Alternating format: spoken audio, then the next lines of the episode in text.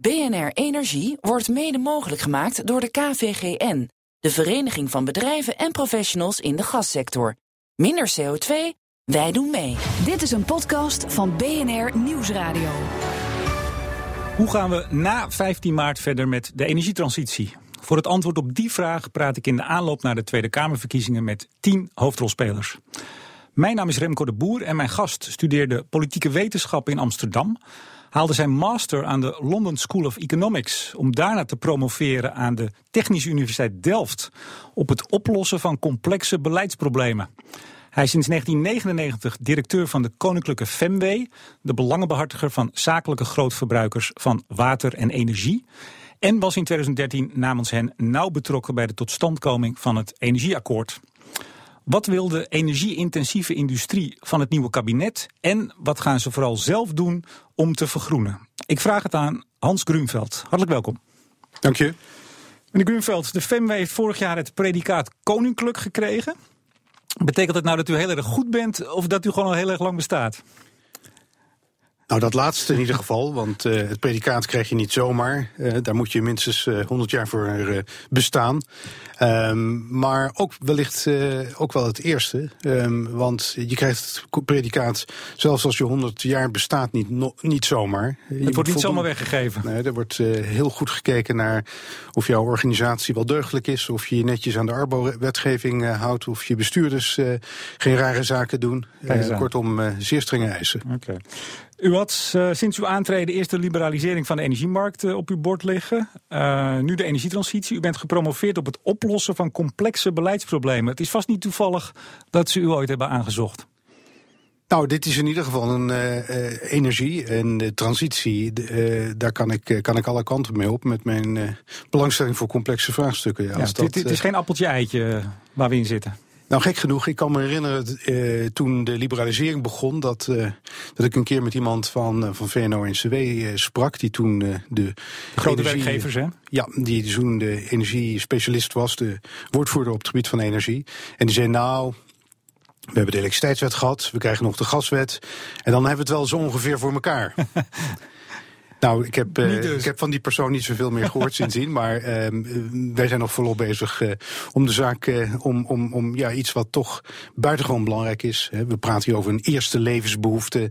Iets waar de hele samenleving om draait. Dat dat goed geregeld wordt. En ja, daar zijn we nog wel een tijdje mee bezig. Ja, want u, u behartigt daarin de belangen van de grote zakelijke energiegebruikers. Uh, AxoNobel, Tata Steel, DSM, hè, dat zijn leden van u.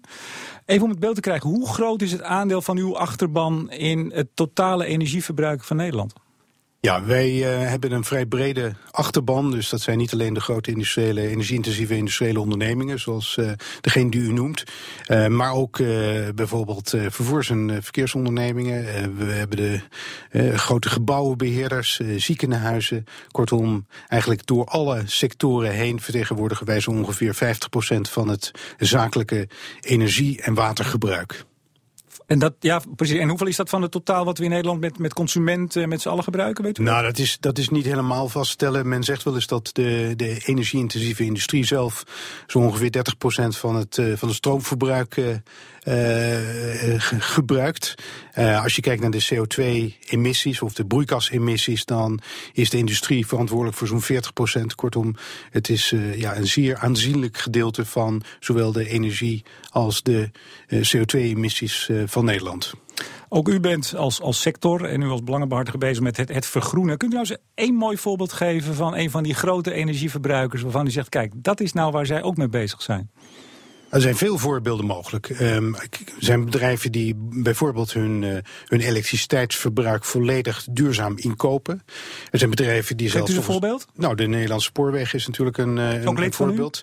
Axel Nobel uh, en DSM, Philips zijn bedrijven die gezamenlijk een, een consortium hebben gemaakt om rechtstreeks de, de, de bouw van windparken in Nederland mogelijk te maken. Hm. Door daar contracten mee, mee af te sluiten voor de levering van stroom. Er zijn bedrijven die fors investeren in het, ja, in het besparen op hun, op hun energiegebruik. Kortom, er zijn heel veel verschillende manieren waarop die bedrijven ermee bezig zijn. Er zijn bedrijven die met name ook naar hun producten kijken en zeggen, nou bijvoorbeeld, wij gaan niet meer een product verkopen, maar een dienst. Waardoor we dus in feite de, niet alleen maar onze onze handen ervan aftrekken op het moment dat het product verkocht is, maar zelfs daarna, na het gebruik van het product, ook weer bereid zijn om dat product in te zamelen en te Er gebeurt veel, vat ik hem even samen. Er gebeurt veel, eh, maar er moet nog heel veel meer gebeuren. Nou, een van de manieren om, om flink aan de bak te gaan is het energieakkoord wat gesloten is. Ik zei het al even in de intro. Eh, u was in 2013 een van de 47 partijen die daarbij betrokken was. U onderhandelde. Had uw achterban, voordat u aan die onderhandelingen begon, nou een eenduidige visie of een, een plan of een mandaat aan u meegegeven? Nou, kijk, de reden waarom wij eh, geïnteresseerd waren om samen met die andere 46 partijen tot een, uh, tot een akkoord te komen, was, uh, was heel duidelijk en werd ook heel breed gedeeld. Namelijk, wij, wij wilden een duidelijk, consistent beleid hebben. En waarom wilden we dat? 2013, 2012 zijn we begonnen, te, midden in de zwaarste economische crisis in, in 100 jaar. Um, bedrijven investeerden niet meer. Um, we hadden grote problemen überhaupt uh, in Nederland. Uh, de overheid die had geen geld om, om te investeren. Um, ja, wat doe je? dan moet je in ieder geval duidelijkheid hebben. Duidelijkheid naar de toekomst. Om op die manier ook weer partijen zover te krijgen dat zij bereid zijn om risico's te nemen en om te gaan investeren. Maar waarin dan te investeren bedoelt u? Investeren in uh, productie, in investeren in duurzame energie. Kortom, elke investering die uh, leidt tot vernieuwing, verbetering en versterking van de economische kracht van Nederland. En u zag dat energieakkoord, of uw achterban zag dat energieakkoord als een van de manieren om dat aan te jagen? Ja, in, ons, in, in onze achterban uh, waren, was, waren veel zorgen over uh, het teruglopen van, uh, van, van de economische activiteit. als je kijkt naar het begin van de crisis, zag je dat de industriële output in, in één maand tijd met zo'n 20, 30 procent terugliep. Dat waren echt hele ernstige situaties. Met grote zorgen over ja, wat gaat er straks gaan gebeuren. wordt er nu überhaupt in Nederland geïnvesteerd? Um, tegelijkertijd een steeds grotere druk om ook ja, te verduurzamen, om, um, om meer duurzame energie te produceren, om minder CO2-uitstoot te realiseren. Ja, hoe regel je dat? De beste manier om dat te doen is door te vernieuwen. En vernieuwing ontstaat door investeren. Nou is dat akkoord, dat is één groot compromis. 47 partijen, er zit voor ieder wat wils in, kan ik me zo voorstellen.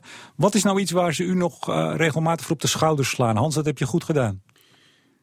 Um, nou, voor ons was, was natuurlijk een van de belangrijkste uh, uh, basisbeginselen was die consistentie, die duidelijkheid van wat wordt er van partijen verwacht. Nou, CO2, CO2-besparing is zo'n duidelijk doel. Um, nou, om CO2 te kunnen besparen, hebben we in Europa een, uh, CO2-emissiehandelssysteem uh, afgesproken. We hebben gezegd, we gaan langzamerhand in Europa toe naar een, uh, naar een drastische reductie van CO2. Um, ehm, maar dat staat los van het akkoord natuurlijk, van het energieakkoord. Nee, dat staat niet los van het energieakkoord. Want waarom is dat CO2-emissiehandelssysteem zo belangrijk? Dat is belangrijk omdat daarmee CO2 een prijs krijgt. En als bedrijven een, een, een, een investeringen willen doen, dan moeten ze kunnen uitrekenen wat de business case is. En een business case kun je niet uitrekenen als je niet weet wat in dit geval CO2-emissies kosten. Vandaar dat dat ja, zo'n belangrijk instrument is en dat het goed moet functioneren. In 2013 waren wij eh, begonnen met de zogenaamde derde handelsperiode, dus de periode van 2013 tot 2020. Um, wij, wij vonden dat dat systeem um, deels goed, maar ook deels niet goed functioneerde. Dat het nodig was om het te versterken en te hervormen. En vandaar dat wij uh, het initiatief hebben genomen om in dat energieakkoord ook duidelijk afspraken te maken voor de inzet van Nederland, heel breed, in de onderhandelingen voor, uh, voor de hervorming van het ETS-systeem na 2020. Nou, zitten er vast ook in zo'n compromis onderdelen waarvan u zegt, nou, dat is toch een beetje een kiezel in de schoen? Ja, een, een duidelijk voorbeeld is natuurlijk de sluiting van de kolencentrales. Daar bent u ehm, niet voor? nou, kijk, er zijn twee redenen waarom ik daar uh, grote problemen mee had. De belangrijkste reden is dat dit een, uh, een, een, maatregel is. Dit was een maatregel die bepleit werd door de, de energiebedrijven, door de markt. Um, ja, sinds de opening van de, van de energiemarkt hebben we ook te maken met marktregels, met spelregels waar partijen zich aan moeten voldoen. En een van de, een van de regels is natuurlijk het verbod om gezamenlijk afspraken te maken tussen marktpartijen, in dit geval producenten, om significant hè, dus een behoorlijke hoeveelheid capaciteit uit de markt te halen. Nou, het sluiten van vijf kolencentrales als een afspraak tussen uh, uh, kolenbedrijven, ja, dat is een maatregel die absoluut niet mag, die niet kan, die in strijd is met de mededingingsregels. Dus dat is was, wel gebeurd. Nou ja, dat was dus een, eh, een, een, een groot probleem. Ik heb dat ook uh, meerdere malen naar voren gebracht. Uh, maar men verzekerde mij dat hierover afspraken bestonden met, uh, met de leiding van de, van de ACM. Achteraf bleek dat dat uh, niet het geval was. Um, want de ACM heeft ook ingegrepen en heeft gezegd dat kan niet, dat mag niet. Dat is in strijd met de Nederlandse en Europese mededingingsregels. En toen heeft men voor een andere keuze, uh, andere uh, instrument gekozen om uiteindelijk wel datzelfde doel te bereiken. En dat is dan ook meteen mijn tweede bezwaar tegen deze afspraak. Het is in feite toch een vrij symbolische maatregel. het ging om vijf oude kolencentrales, centrales die met, ik zou bijna zeggen, met houtje en touwtjes nog, nog konden blijven draaien. De bedrijven, veel bedrijven die die centrales bezaten, die waren hard bezig om nieuwe, gloednieuwe kolencentrales uh, uh, te bouwen en in feite gereed te, te, testen om ze in bedrijf te kunnen stellen. En die, ja, die bedrijven die zouden sowieso die centrales zo snel mogelijk gaan sluiten. Hm. Um, dus daar hoeft hij helemaal geen akkoord over te sluiten. Hm. Ik, ik, dacht eigenlijk dat u misschien ging zeggen toen ik zei wat is nou een kiezel in uw schoen? Uh, de 9 petajoule. En ik zal het even toelichten voor de luisteraars. In het akkoord is ook afgesproken dat de industrie, de, de grootverbruikers, 9 petajoule, en dat is, dat is een hoop, hè, dat is een hoop energie, heel veel. Uh, gaan besparen. Dat is toegezegd in het energieakkoord dat de industrie dat gaat doen. Uh, de Milieubeweging zegt nu, mm, daar houden ze zich niet aan. De minister zegt het eigenlijk ook. Die gaat het nu wettelijk verplichten. Uw achterban is daar dan weer boos over. Wat is hier gebeurd?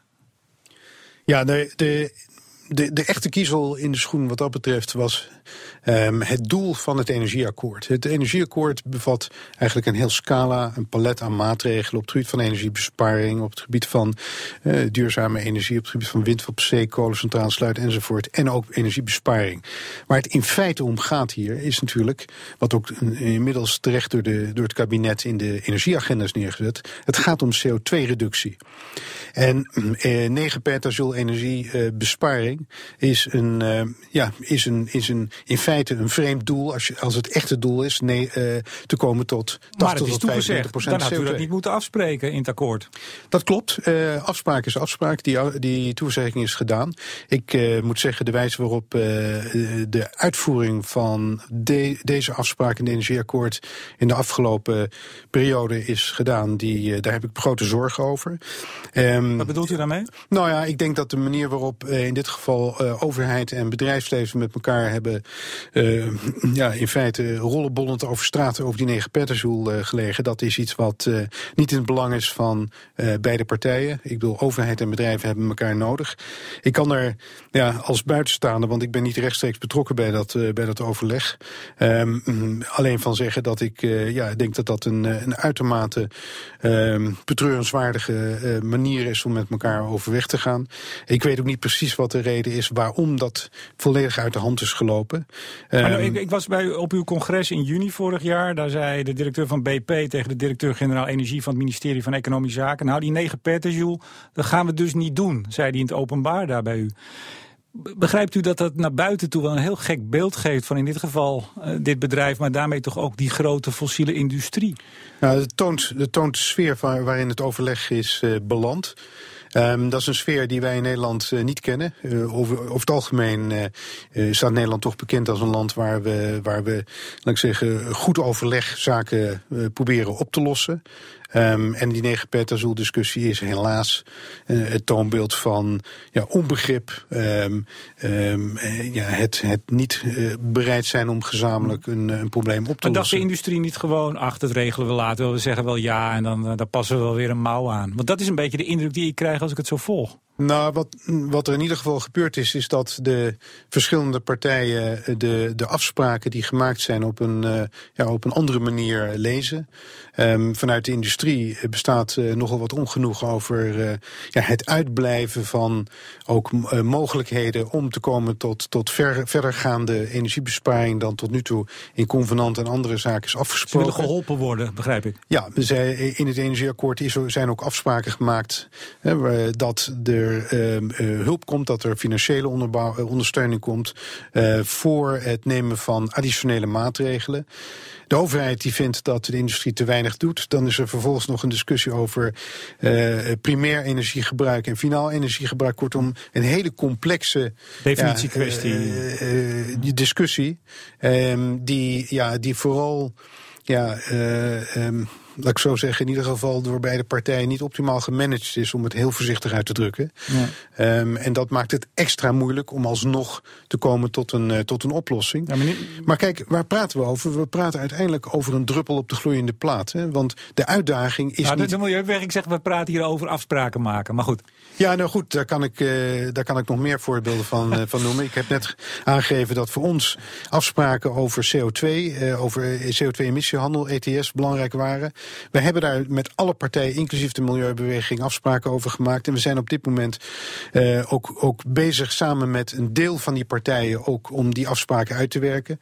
Helaas heeft de Milieubeweging uh, ze is afgehaakt en heeft gezegd: Nou, dat vinden we eigenlijk niet zo vreselijk belangrijk. Dus dan doen we maar even niet mee. Nou, vo vo voordat we, laten we dit blokje afsluiten, voordat we misschien een beetje uh, heen en weer gaan over wie nou wat. Um, Wettelijk wordt het doorgezet, zei minister Kamp onlangs nog in de Kamer. Slotvraag over dit onderwerp. Gaat u zich als branche tegen verzetten? Nou, wat wij wat wij hopen is dat um, het overleg tussen overheid en, en industrie hervat wordt. Um, want ja, wij moeten voorkomen dat we in een soort Trumpiaanse uh, situatie terechtkomt. Waarbij per decreet allerlei zaken uh, worden geregeld. Het gaat hier, u had het al terecht even in uw introductie erover, over complexe zaken. Die kun je niet eenvoudig per, per, per decreet of per wet regelen. Um, dit, dit is een, een complexe zaak. Bovendien het uiteindelijke en belangrijkste doel is CO2-besparing. Daar hebben wij in ieder geval vanuit onze achterban een duidelijk commitment. Daar gaan wij voor. Um, en die belofte die wij daar hebben, of die toezegging die wij daarvoor hebben gedaan, die gaan we in ieder geval nakomen. Ja, want u hebt vorig jaar een, um, een rapport of een position paper eh, gepresenteerd samen op weg naar minder. En dat minder slaat dan op, uh, op, op CO2-uitstoot. Um, energie-intensieve bedrijven die uiteindelijk in 2050 de CO2-uitstoot met 80 tot 95 procent, ons nationale doel, uh, verlagen. Uh, hoe staat het met dat plan? Nou, we zijn op het ogenblik uh, um, aan het, aan het bekijken op welke wijze we nu concreet voor de komende kabinetsperiode dit plan ja, verder kunnen uitwerken. We, hebben, we hebben een, ja, dat plan, laat ik zeggen, in eerste instantie vooral ook goed besproken met de overheid, met, uiteraard met bedrijven. Um, en nou, dat plan is goed ontvangen. De, we hebben ook gezien dat in de energieagenda het, het kabinet, laat ik zeggen, de lijn van het plan heeft eh, heeft meegenomen. Ook in de, in de plannen die VNO-NCW onlangs uitbracht, uh, zie je on, onze, onze voorstellen terug. Um, waar het nu om gaat is, ja, hoe kunnen we nou de eerste stappen zetten om te komen tot concrete acties? En dat is wat de overheid wil, dat is wat de mhm. bedrijven willen. En wij zijn op dit moment zijn we bezig om daarvoor een, uh, een voorstel uit te werken.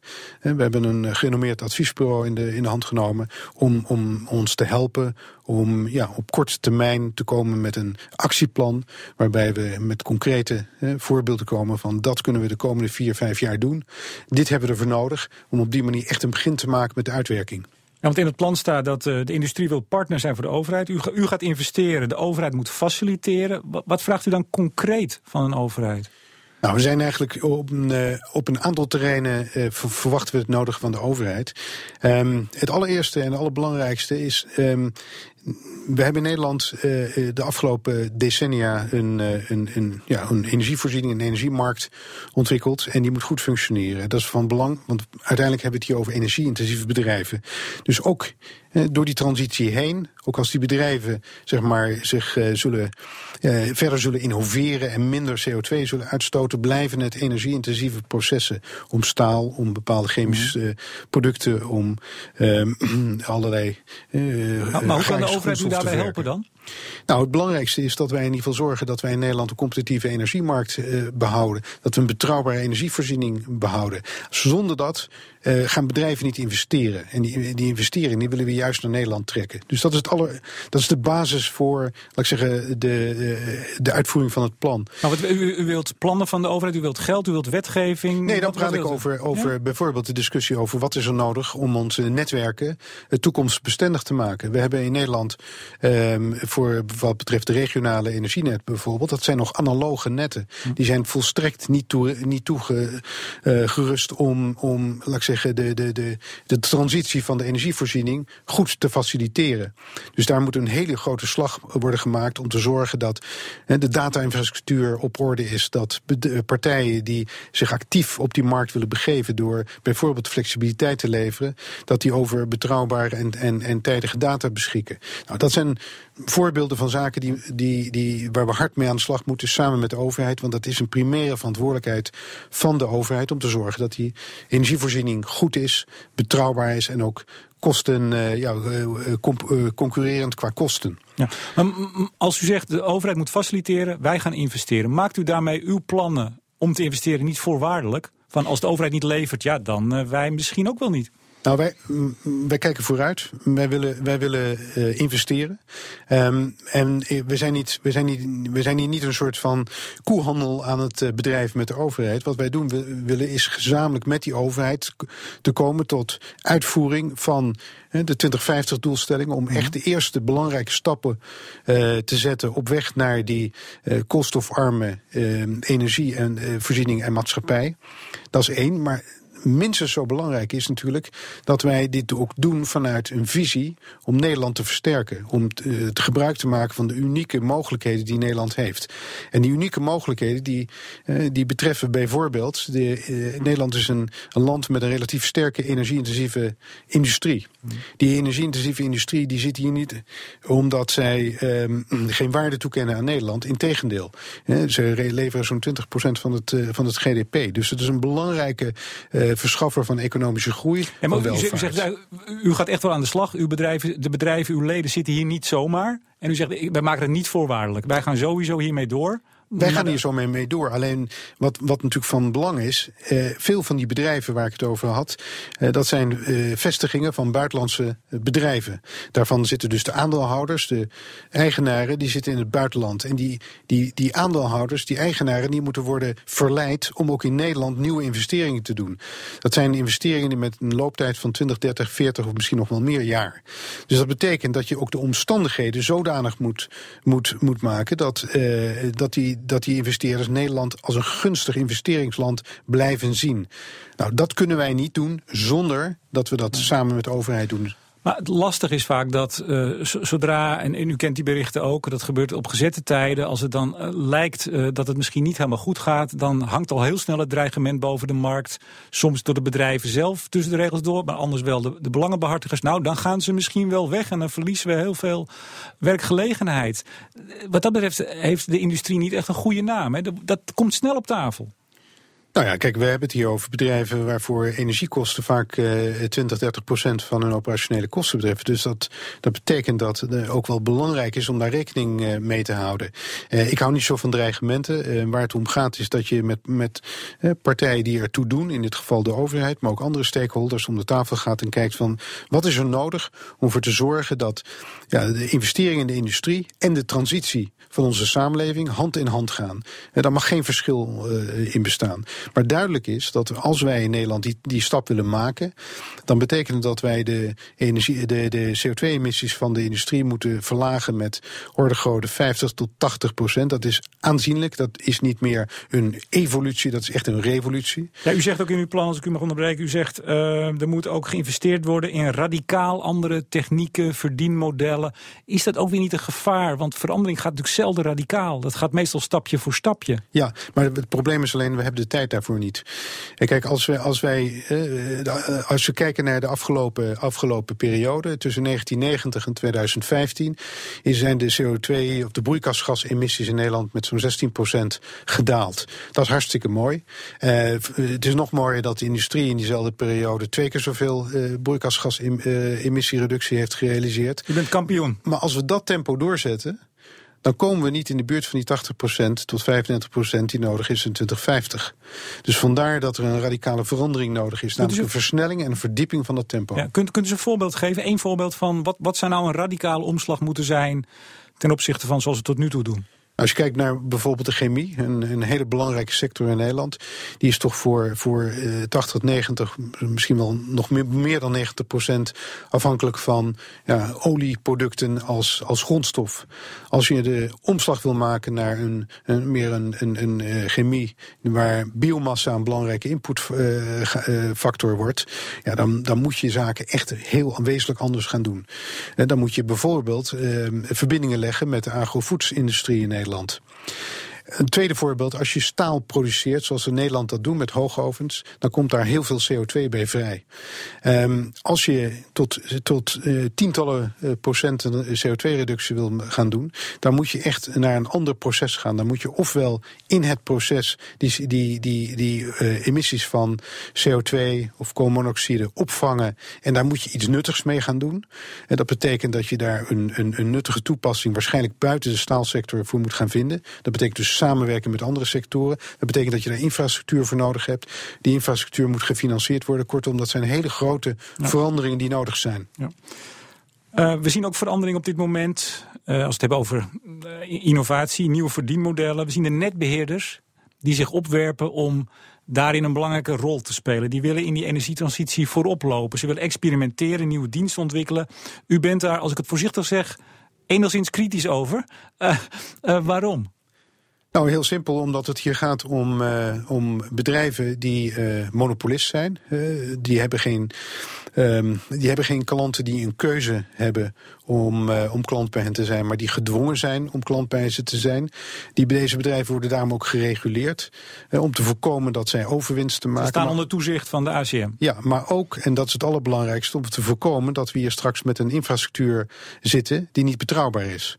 Want zoals ik al aan het nou, bent u begin van het gesprek voor, dat het ten koste gaat van nou, dat is zeker geen, dat is zeker geen, uh, geen, um, geen onmogelijkheid, laat ik het zo zeggen. Um, het probleem is dat we dat pas weten op het moment dat het veel te laat is.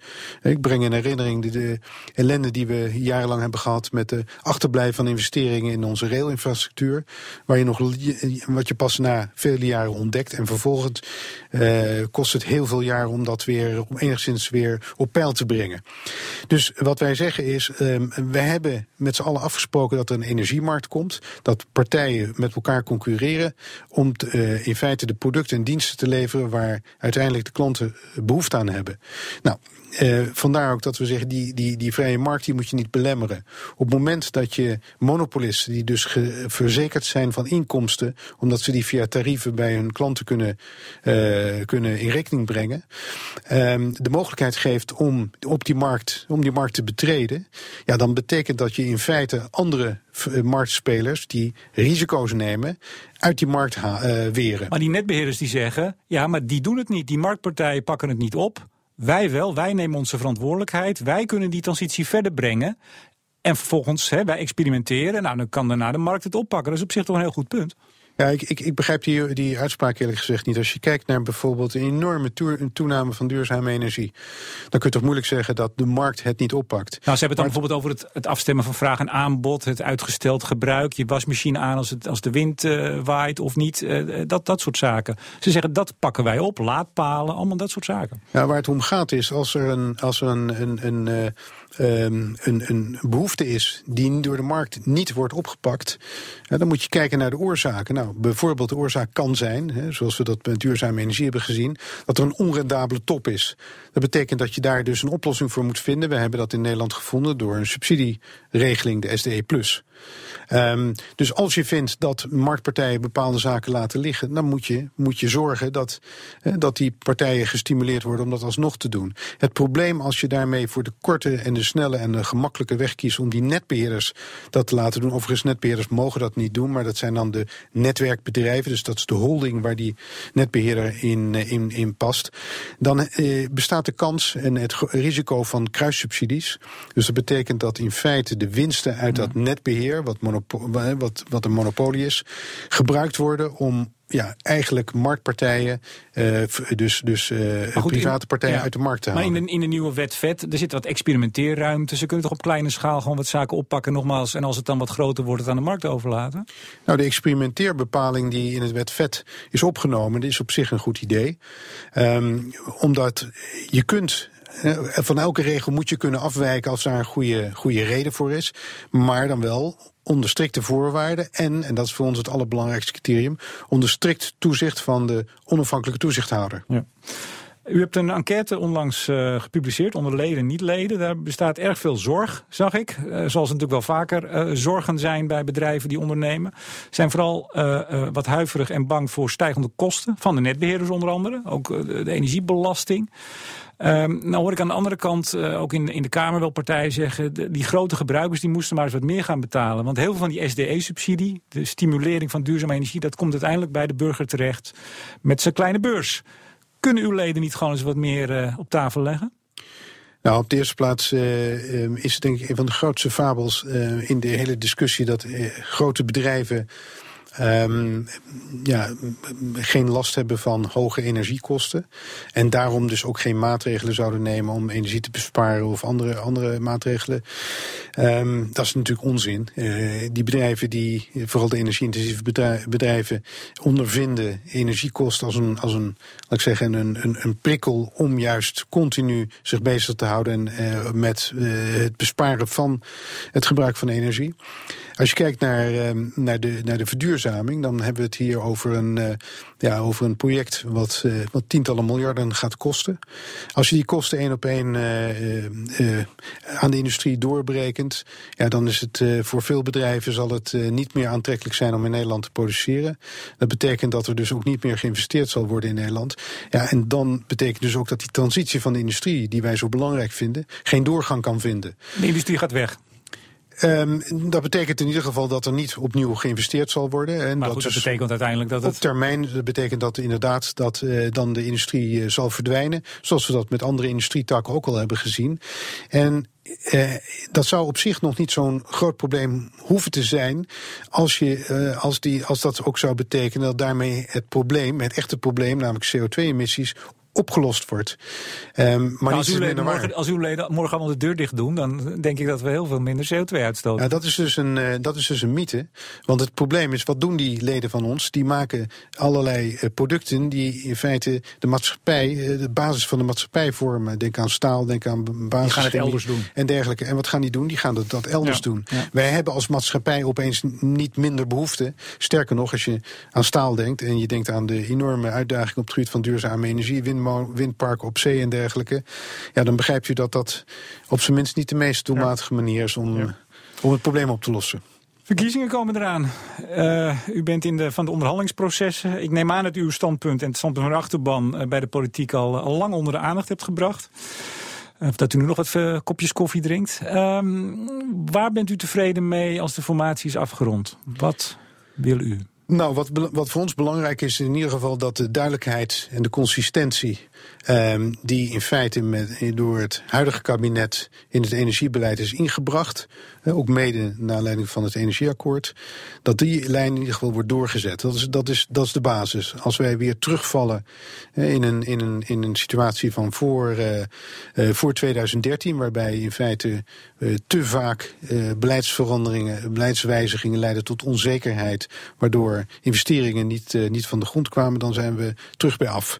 Dus duidelijkheid Energieakkoord 2.0 wellicht? Nou, wat voor in ieder geval van belang is, is dat we een, een, een, een partnerschap ontwikkelen met die partijen die ook echt kunnen leveren. Die, die, die samen kunnen bijdragen aan de verdere transitie die in Nederland nodig is. Wij kijken natuurlijk heel specifiek ook naar de transitie in de industrie. Dus wat wij verwachten is dat, wat wij in ieder geval hopen ook van het volgende kabinet, dat daar ook een duidelijke visie komt op de, ja, de, de toekomst voor een duurzame energie-intensieve industrie in Nederland. En dat wij hopen dan ook dat dat kabinet een beleid ontwikkelt waarbij uh, de transitie eh, van de industrie en de, het energiesysteem samengaan. En dat er dus echt een, een duurzaam industriebeleid kan worden gevoerd. Ja. Beleid is mooi, akkoorden is mooi, vervolgens moet je ze uitvoeren. Uh, we hebben de afgelopen paar jaar gezien, sinds uh, 2013 het energieakkoord, dat dat nog niet altijd heel erg makkelijk gaat. Er wordt bijna dagelijks over gevochten in de Tweede Kamer. Kijkt u wat dat betreft met vertrouwen naar de uitwerking van die akkoorden of afspraken, als we het over de politiek in Den Haag hebben? Nou ja, dat, is, dat, wordt een grote uitdaging. We weten, uh, dat, uh, we weten de uitkomst van de verkiezingen nog niet. Maar de kans op een, ja, op een, een, een, zeer verdeelde Tweede Kamer. met, met, met veel partijen die ja, ongeveer even groot zijn. en die gezamenlijk een coalitie moeten voeren. Ja, brengt het risico met zich mee dat al die partijen de behoefte hebben om zichzelf te, te onderscheiden van anderen. En elke, elke week bij wijze van spreken met een nieuw initiatief kopen. om daarmee onder de, in de aandacht te komen. Op zich zijn initiatieven natuurlijk hartstikke mooi en hartstikke goed. Alleen niet als die vooral bestemd, bedoeld zijn als een soort ja, symboolpolitiek. of als ze vooral gericht zijn op korte termijn doelstellingen. Maar u ziet ook bijvoorbeeld dat er in, in de Kamer, in de Tweede Kamer, het CDA, SP, die, die vechten tegen een windmolenpark in Drenthe. Dus heel erg op een soort microniveau. Bent u niet bang dat dat straks nog veel meer, als u, u schetst veel meer partijen, profileringsdrang. Bent u niet bang dat dat veel meer gaat gebeuren nog? Nou, dat risico is, bestaat natuurlijk. We hebben dat nu ook al gezien. Partijen die om het hardst vechten wie, wie de strengste, de sterkste, de, de stringentste motie kan indienen voor het sluiten van kolencentrales of het, of het, uh, het verplichten van energiebesparing bij de industrie of wat dan ook. Kijk, waar het om gaat is dat, we, dat we met z'n allen een, een, een consistent beleid voeren. En dat betekent dus niet dat je vandaag uh, afspreekt dat je in 2050 tot, uh, tot 80, 99 procent CO2-reductie komt. En vervolgens morgen met allerlei instrumentarium komt, waardoor je um, juist die, die, die, ja, die, die lange termijn investeringshorizon uit het oog verliest. Dat is voor ons van groot belang. Um, en vandaar ook dat we hopen dat er in, uh, ja, in het regeerakkoord duidelijke afspraken komen, gericht op de langere termijn, maar ook gericht op de realiteit dat uh, die grote transitie die nodig is, die vergt ook die vergt forse investeringen. En investeringen die komen niet zonder actieve ondersteuning vanuit de overheid. We hebben dat gezien in de energiesector. We hebben gezien hoe sinds 2013 het aandeel duurzaam snel toeneemt. Wind op zee is natuurlijk een fantastisch voorbeeld hoe je het, hoe het wel moet doen, hoe je het moet doen. En wat wij hopen is dat er ook een soortgelijk beleid gaat worden gevoerd voor wat betreft de transitie van de industrie. Ja. U bent gepromoveerd eh, in, uh, in Delft op het oplossen van complexe beleidsproblemen. Uh, als de formateur u binnenkort belt, die zegt nou, meneer Grunveld, ik kom er niet uit. Hebt u nog een tip voor hem of haar? Ik hoop dat uh, tegen die tijd dat wij een, een concreet voorstel hebben voor, uh, voor, zoals ik al eerder zei, de eerste stappen voor de uitvoering van ons uh, position paper, samen op weg naar minder. Waarbij we duidelijk aangeven welke investeringen, welke co concrete beslissingen de industrie de komende vijf jaar moet gaan nemen en wil gaan nemen. En welke ondersteuning en welke hulp wij vanuit de overheid verwachten om daarmee samen een pakket te maken dat uitzicht biedt op ja, een, een, een voor eerste forse aanzet tot die 2050-doelstellingen. Hans Grunveld, directeur van de Koninklijke FEMW, de belangenbehartiger van zakelijke grootverbruikers van water en energie. Hartelijk dank. BNR Energie wordt mede mogelijk gemaakt door de KVGN, de Vereniging van Bedrijven en Professionals in de Gassector. Minder CO2, wij doen mee.